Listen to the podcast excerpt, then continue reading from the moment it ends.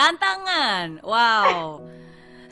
Banyak pastinya, tapi kalau uh, mungkin saya bisa menjawab yang terberat ya. Yang terberat itu selalu kan uh, di awal ketika kita belum belum sukses. Jadi menurut saya tantangan terberat saya adalah ketika saya belum pernah mencicipi yang namanya kesuksesan. Ketika saya sudah bekerja keras, berusaha mati-matian, uh, memberikan segalanya gitu. Tapi tapi belum sukses juga. Menurut saya itu itu tantangan terberatnya. Apalagi ketika uh, banyak orang meragukan, apalagi ketika uh, waktu itu juga uh, orang tua saya juga uh, meragukan keputusan saya ketika saya memutuskan untuk um, terjun ke dunia entrepreneur gitu. Jadi menurut saya tantangan terbesar adalah ketika belum ada bukti yang bisa kita berikan kepada orang-orang sekitar kita gitu. Tapi uh, keyakinan lah yang yang yang terus mem mem membuat saya maju. Uh, jadi tantangan hmm. terbesar waktu itu adalah ya um, uh, singkat cerita ya. Jadi ketika tahun keempat uh, waktu itu akhirnya saya memutuskan untuk memulai usaha saya sendiri. Karena background saya sebenarnya bukan background bisnis bukan background marketing sales bukan. Saya lulus sebagai sarjana teknik elektro Nah, tapi jadi ketika waktu itu saya memutuskan untuk saya pengen uh, mulai bisnis, saya pengen usaha. Itu itu nggak mudah, banyak jatuh bangunnya. Saya pernah ditipu, uh, uang saya dibawa kabur juga pernah, uh, uang saya ludes juga pernah. Nah, dan akhirnya uh, tapi kan karena saya waktu itu orangnya juga udah memutuskan ya saya uh, I've already make a decisions that uh, I, I'll never give up gitu saya selalu akan cari strategi saya akan selalu cari cara saya akan selalu ngotot gitu sampai saya benar-benar sukses um, nah tapi kan nggak semua orang uh, yakin kan?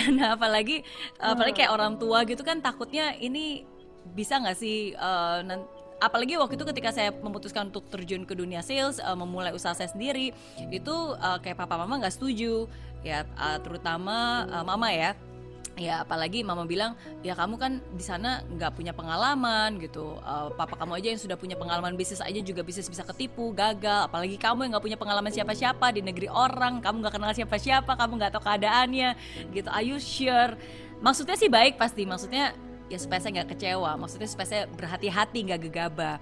Nah tapi bagi saya itu tantangan terbesar sih ketika ya di mana saya harus uh, membuktikan bukan hanya ke diri saya sendiri tapi juga ke orang-orang yang saya cintai bahwa this is my life dan saya pasti sukses. Dan saya akan pasti berusaha keras gitu untuk mewujudkan kesuksesan itu. When I look back kalau sekarang saya lihat balik ya uh, bersyukur sih. Karena mungkin dari kesulitan-kesulitan kegagalan itulah yang akhirnya membawa saya untuk terjun ke dunia sales, menekuni bidang yang saya tekuni pada satu di Singapura dan akhirnya membawa saya mendapatkan satu juta dolar pertama saya gitu. Jadi kayak waktu tahu waktu tahun ketiga, saya pun juga waktu itu pengen banget dapat beasiswa. Saya udah daftar beasiswa dan confident banget bakal dapat beasiswa dari perusahaan tempat magang saya. Tapi ternyata saya nggak dapat, uh, sedih juga gitu. Tapi kalau saya lihat balik, ya untung saya nggak dapat beasiswa karena kalau itu saya dapat beasiswa ya saya ada, ada ikatan kerja dengan perusahaannya ya saya mungkin nggak bisa menjadi seperti saya sekarang juga ya jadi again sometimes um, ya kalau kita percaya bahwa everything happens for a reason, kalau kita percaya bahwa Tuhan menuntun langkah kita, ya setiap kesulitan, setiap kegagalan itu pasti ada maksudnya gitu. Yes, Every pain yes, has a yes. purpose. Hmm.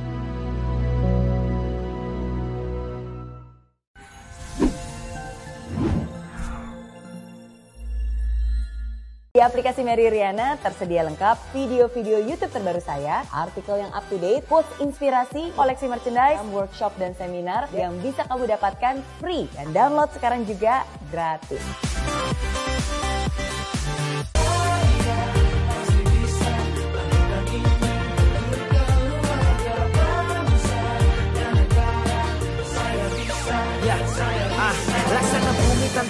Hujan Hidup tanpa tujuan Kering dan mati tanpa hijaunya tumbuhan ah.